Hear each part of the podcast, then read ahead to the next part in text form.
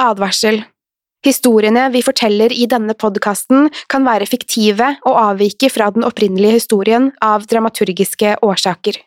Meninger og påstander i historiene reflekterer nødvendigvis ikke programledernes meninger eller virkeligheten.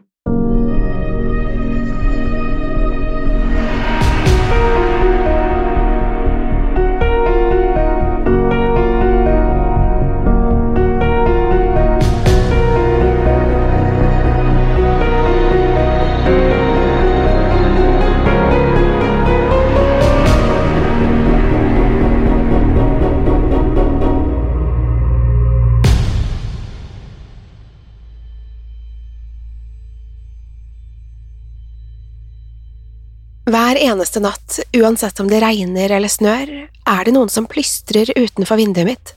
Du kan bare høre det fra stuen eller kjøkkenet, men han spaserer alltid ned gaten, eksakt klokken 03.03.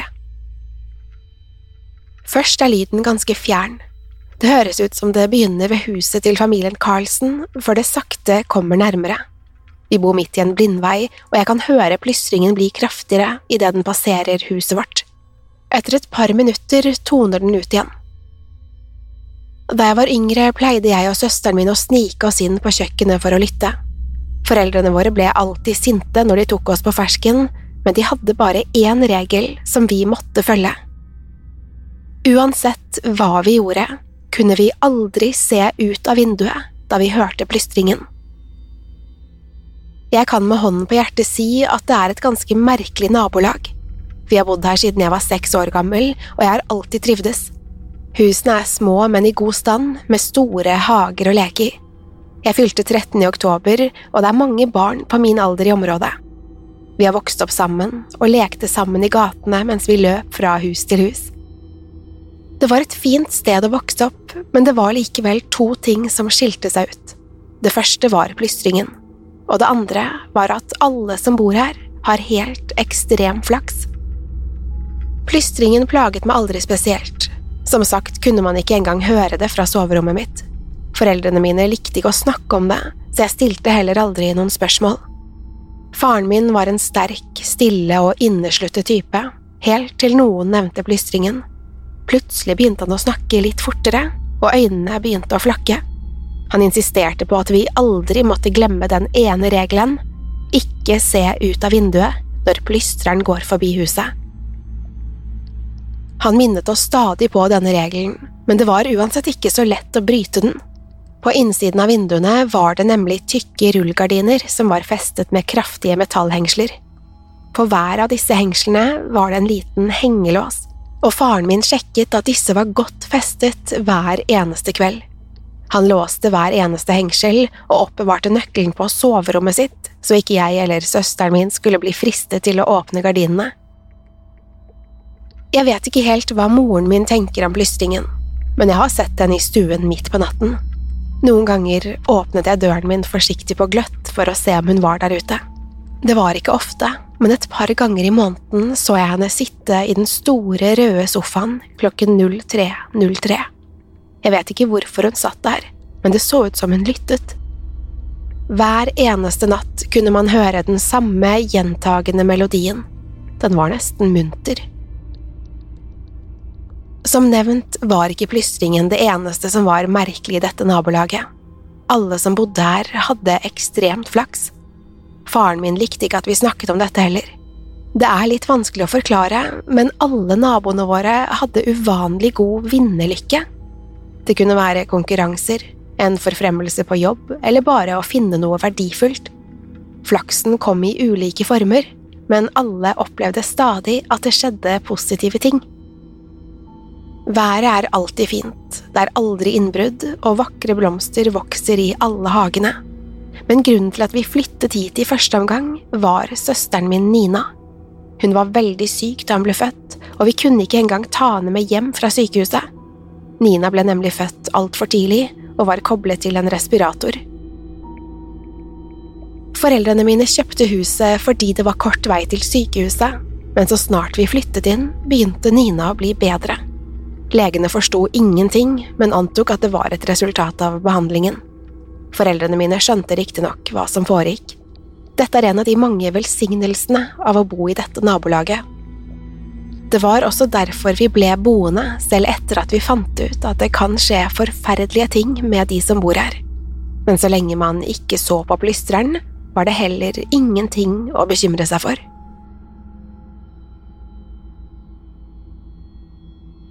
Hver gang noen flytter inn i nabolaget, blir de møtt av velkomstkomiteen. De banket på døren og hadde med mat, gaver og en dokumentmappe. Dette skjedde også da vi flyttet inn. Fire mennesker ønsket oss velkommen, de ga meg sjokolade og koste med Nina. Hun hadde akkurat blitt skrevet ut av sykehuset, så de var ekstra forsiktige. Etter en liten stund ble jeg bedt om å forlate rommet så de voksne kunne prate sammen. Jeg satt på rommet mitt, men jeg kunne fremdeles høre hva som ble sagt. Foreldrene mine fikk høre hvor unikt og fantastisk dette nabolaget var. Deretter begynte velkomstkomiteen å fortelle om plystringen. Hver natt mellom klokken 03.03 og 03.05 kunne man høre det utenfor huset. Gruppen fortalte at plystringen var harmløs så lenge vi ikke så ut av vinduet. De var veldig tydelige på at vi måtte følge denne regelen. Dersom man likevel så plystreren, ville man umiddelbart oppleve ekstrem uflaks. Alt ville begynne å gå galt, og forferdelige tragedier kunne ramme hele familien. I dokumentmappen hadde de utallige avisutklipp som handlet om alt fra bilulykker, uforklarlige dødsfall og andre katastrofer. Det er ikke alle som dør, hørte jeg at en av dem forteller faren min. Men selv om man overlever, mister man alt man har å leve for. Livsgnisten blir bare revet bort. Jeg merket at moren min ikke tok dette seriøst. Hun spurte flere ganger om noen andre hadde falt for denne spøken og etter en liten stund begynte hun å bli hissig. Hun følte at velkomstkomiteen prøvde å skremme oss, eller at de ville at vi skulle flytte fra nabolaget. Faren min var langt mer åpen og prøvde å roe henne ned. Han hadde nemlig hørt lignende historier fra sin egen mor.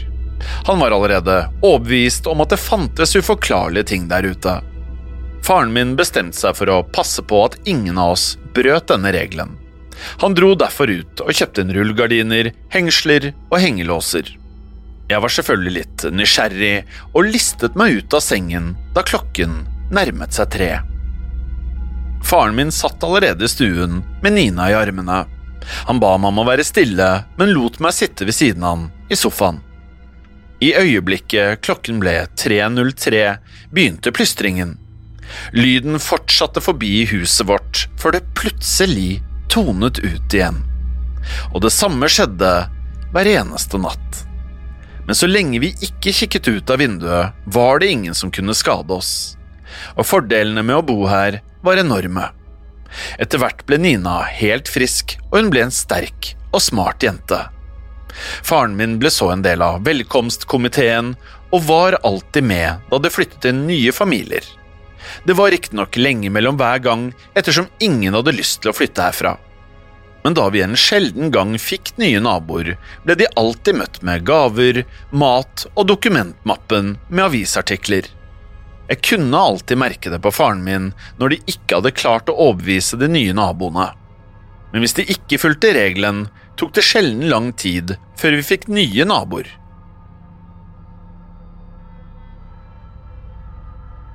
Det er ikke så lenge siden det flyttet inn en ny familie på andre siden av veien. Frem til det hadde fru Madsen bodd i det huset. Hun ble 105 år gammel og hadde levd et langt og godt liv. De nye naboene så raskt ut til å finne seg til rette. De hadde trodd på historien til velkomstkomiteen og installerte rullegardiner med hengsler, slik som faren min hadde gjort. Dette var også en småbarnsfamilie, så det var best å ikke ta noen unødige sjanser. Faren min lot oss aldri se avisutklippene i dokumentmappen, men det var i hvert fall nok til å overbevise naboene våre om å følge regelen. Det gikk i hvert fall en måned uten at de støtte på noen problemer. En kveld da nabofamilien skulle reise bort, skulle sønnen deres sove hos oss. Håvard var tolv år og gikk et klassetrinn under meg. Jeg kjente han ikke så godt, men jeg skjønte raskt at han kom til å by på utfordringer. Vet du hvem det er som plystrer ute om nettene? Spurte Håvard så snart det ikke var noen voksne i rommet. Vi satt sammen med Nina og så på en Disney-film. Jeg kastet et blikk på lillesøsteren min før jeg svarte. Vi snakker ikke om det der.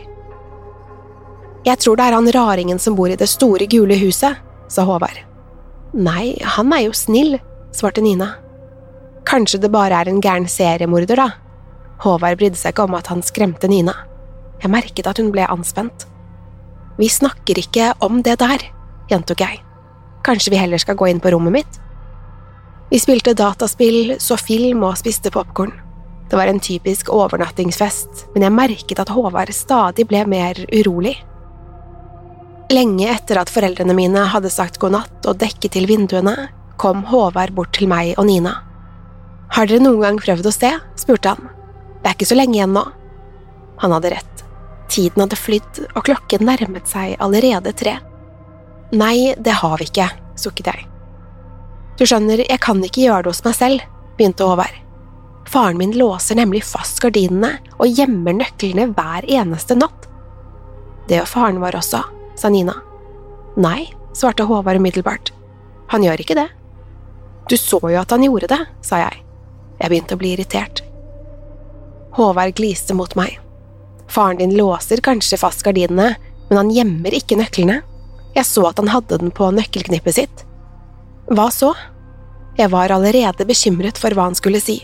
Jeg hadde også lagt merke til at faren min hadde sluttet å gjemme nøkkelen. Han visste nemlig at vi forsto alvoret.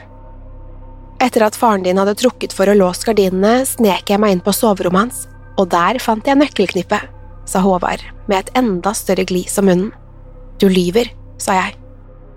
Håvard bare trakk på skuldrene.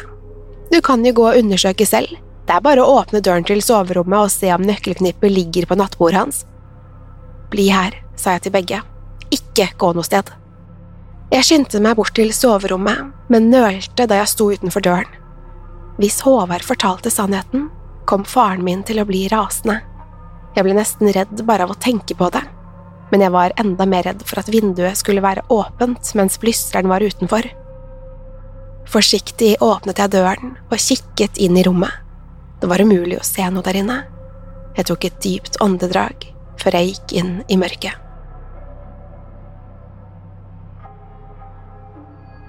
Jeg stanset etter å ha tatt et par skritt. Plystringen hadde begynt, og nå kunne jeg høre den tydeligere enn noen gang. Jeg hadde aldri innsett at foreldrene mine hørte lyden så godt fra deres soverom. De må ha hørt den hver eneste natt uten å si noe til oss. Jeg ble stående og lytte mens plystringen stadig kom nærmere. Jeg visste ikke om jeg skulle skru på lyset eller rope på faren min, men før jeg rakk å gjøre noe, kunne jeg høre en lyd fra stuen. Nina, ropte jeg idet jeg løp ut av soverommet. Håvard og Nina sto like ved vinduet. Jeg så at Håvard holdt nøkkelknippet i hånden og fiklet med en av hengelåsene. I neste øyeblikk hørte jeg et klikk idet han vred om nøkkelen. Håvard hadde fått tak i nøkkelknippet fra faren min og hadde nå tenkt til å åpne rullegardinen. Nå var plystringen rett utenfor huset vårt, men Håvard bare lo. Nina sto fremdeles ved siden av ham. Hun virket redd, men også litt nysgjerrig. Det føltes som om tiden sto stille. Jeg tror jeg ropte noe, men jeg husker ikke hva. Før jeg visste ordet av det, beveget jeg meg mot Håvard og Nina.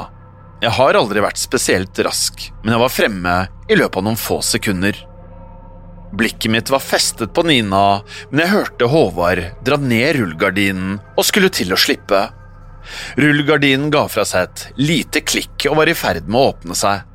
Jeg kunne høre plystringen rett utenfor huset. Jeg hadde armene rundt Nina og skjøv henne vekk så hun sto med ryggen mot vinduet. Samtidig knep jeg igjen øynene. Rullegardinen skjøt opp, og i samme øyeblikk ble det helt stille. Plystringen hadde gitt seg. Jeg kjente Nina skjelve i armene mine. Lukk øynene, sa jeg.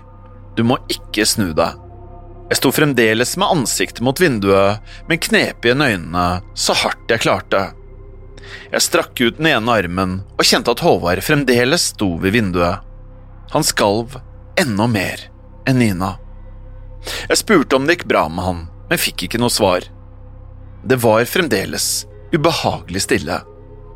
Fingertuppene rørte ved vinduet, og jeg kunne kjenne at glasset var iskaldt.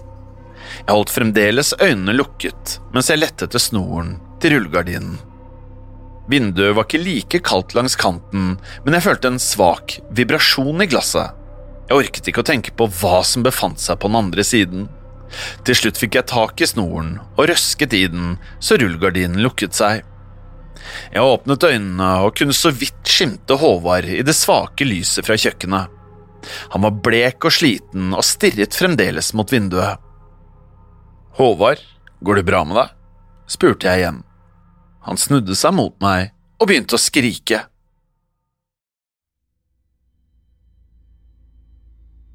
Plutselig skjedde alt på en gang.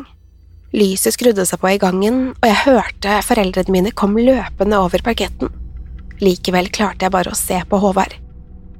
Han var kritthvit og hadde bitt seg så hardt i leppen at det rant blod nedover haken. Hva er det som skjer her? spurte faren min. Jeg snudde meg mot foreldrene mine. Han så, var alt jeg klarte å presse frem. Jeg hadde aldri sett faren min være skikkelig redd før i det øyeblikket. Ansiktet hans ble forvridd i ren panikk. Var det bare Håvard som så ut av vinduet? spurte han til slutt. Jeg nikket og så hvor lettet faren min ble. Det så nesten ut som han skulle slippe ut et jubelbrøl. Men da han snudde seg mot Håvard, forsvant all gleden fra ansiktet hans. Det banket på døren. Vi sto der stivfrosne alle sammen, men jeg kunne høre at Håvard klynket. Ikke åpne døren, sa moren min. Hun sto i enden av gangen. Jeg hadde alltid følt at hun var skeptisk til hele opplegget. Noen ganger virket det som hun bare spilte med for å berolige faren min, men i det øyeblikket skjønte jeg at hun også forsto at dette var ekte. Begge foreldrene mine var bevæpnet med balltrær og var klare til å forsvare seg. Det banket på døren igjen. Denne gangen var det litt mer aggressivt. Vær så snill, du må ikke åpne, klynket Håvard. Faren min gikk bort til Håvard og la armene rundt han.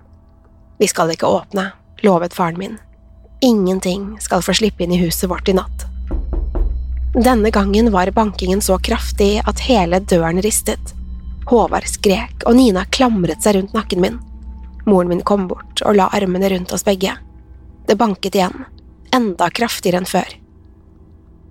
Skal vi ringe politiet? hvisket moren min. Samme øyeblikk ga bankingen seg. Faren min skulle til å si noe, men ble avbrutt av frenetiske slag som snart ble til forsiktige dunk mot døren. Politiet, sa en stemme fra den andre siden av døren. Det var stemmen til moren min. Hva enn det var, gjentok det ordene nesten som en papegøye. Politi. Ringe politiet. Stemmen ble bare avbrutt av bankingen. Moren min holdt enda strammere rundt oss. Vær så snill, bare la oss være i fred, hørte jeg at hun hvisket. Det hjelper nok ikke å ringe noen, sa faren min, vi kan jo ikke vite når det er trygt å åpne døren igjen. Bankingen fortsatte og var mer aggressiv enn noen gang. Døren ristet og var i ferd med å fly av hengslene da bankingen plutselig ga seg igjen. Etter en liten stund hørte vi bankingen igjen, men nå kom den fra den andre døren til bakhagen.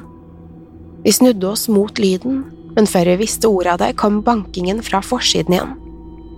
Det hoppet frem og tilbake og vekslet mellom kraftig og forsiktig, og så, i neste øyeblikk, banket det på begge dørene samtidig. Det hørtes nesten ut som noen hamret mot dørene med en slegge. Deretter hørte vi at noen slo mot vinduene og veggene. Stopp! skrek Håvard. I samme øyeblikk ga bankingen seg igjen. Jeg lover å ikke si noe, sa Håvard. Han stirret fremdeles på døren. Jeg skal ikke fortelle noen hva jeg så, bare gå din vei. Det var stille i nesten ett minutt, men snart hørte vi forsiktig dunk fra vinduet Håvard hadde kikket ut av tidligere. Håvard begynte å gråte og så ut til å være grepet av en intens sorg. Faren min holdt fremdeles rundt ham og strøk Håvard på ryggen men han tok seg ikke engang bryet med å fortelle at det ikke var noe å være redd for. Bankingen på vinduet fortsatte gjennom natten. Vi satt inntil hverandre i stuen, i det som føltes som en liten evighet. Til slutt prøvde moren min å ta oss med inn på soverommet, men så snart vi beveget oss, begynte det igjen å banke på døren. Slagene var kraftigere enn noensinne, og jeg ble nesten redd for at døren skulle bli smadret.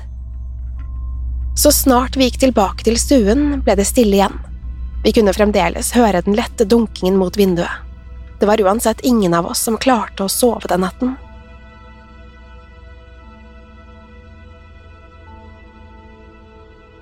Bankingen ga seg først til syvtiden neste morgen. Solen var i ferd med å stå opp, men vi ventet likevel i et par timer før vi åpnet gardinene. Faren min hadde bedt oss om å gå inn på soverommet. Han ønsket ikke at vi skulle være i stuen da han åpnet ytterdøren. Etter en liten stund kom også han inn på soverommet og fortalte at kysten var klar. Håvard sine foreldre kom for å hente ham på formiddagen. Foreldrene mine fulgte dem hjem og ble med inn i huset for å snakke. Jeg og Nina prøvde å se hva som foregikk fra vinduet, men kunne ikke høre hva som ble sagt. Nina holdt seg i nærheten av meg hele dagen, og jeg kunne merke at hun fremdeles var redd. Da foreldrene mine omsider kom tilbake, var de åpenbart nedstemte. Men de nektet fremdeles å fortelle hva de hadde snakket om. Det var en søndag, og vi tilbrakte resten av dagen sammen. Da det ble kveld, bestilte vi en pizza og så en film. Den natten sov hele familien på rommet mitt. Nina og moren min lå sammen med meg mens faren min satt i en stol like ved sengen. Vi hørte ingen banking i løpet av natten og har heller ikke gjort det siden. Vi så ikke noe mer til Håvard eller familien hans på flere dager. Men i slutten av uken fikk vi øye på en flyttebil utenfor huset deres. Jeg husker fremdeles hvor sliten Håvard og familien hans så ut. De virket dystre, bleke og livløse. Selv fra andre siden av veien skjønte jeg at noe var galt. De kjørte av gårde før solen gikk ned, og vi så dem aldri igjen. Jeg husker fremdeles hva velkomstkomiteen fortalte oss da vi flyttet inn. Ikke alle som ser plystreren, kommer til å dø. Noen mister bare livsgnisten mens de opplever tragedie etter tragedie. Jeg tror at Håvards foreldre også så ut av vinduet. Kanskje de prøvde å trøste han, eller kanskje de trodde at det ville hjelpe å forstå hva som foregikk. Hvis Nina hadde sett ut av vinduet, ville kanskje jeg ha gjort det samme. Vi bor fremdeles i det samme huset, og hver natt hører vi plystringen rett utenfor vinduet. De mange velsignelsene gjør det vanskelig å flytte, og vi er mer forsiktige enn noen gang. Vi har ikke lenger venner på overnattingsbesøk, og faren min gjemmer nøklene hver eneste natt. Jeg ville uansett aldri prøvd å åpne gardinene. Noen ting trenger man ikke å se selv.